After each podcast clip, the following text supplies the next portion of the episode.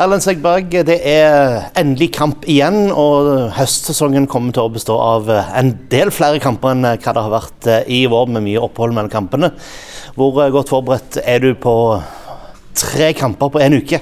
Nei, vi er, vi er forberedt godt på det. det som du sier, det har vært litt eh, litt sånn uvant kamprytme i vår, så, så, det å komme tilbake og spille kamp nå og få mange tette kamper framover, det, det tror jeg blir bra for oss. Og vi har vært bra på Vi har hatt en fin ferie først og fremst, og jobba godt. og og ting ser bra ut på trening, så det er en viktig periode vi går inn i. Og eh, vi trenger poeng, så det begynner allerede til søndag mot HamKam. Så vi skal gjøre alt for å få tre poeng der.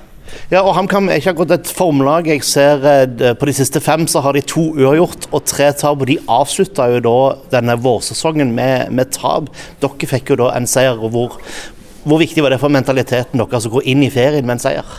Nei, Det var veldig viktig for oss å få å slå tilbake etter uh, to begredelige tap uh, før det. Så, så, det var veldig viktig for oss. og Da, da henger vi sånn ja, Vi har lo, halvveis los på de, på de lagene foran, vi, foran, oss, men vi er avhengig av en, en veldig god høstsesong for å, for å, være med og kjempe helt i toppen. og Det er det som er målet, og det er det vi jobber for hver dag. Så Som sagt så begynner det allerede til søndag med, med tre poeng mot HamKam.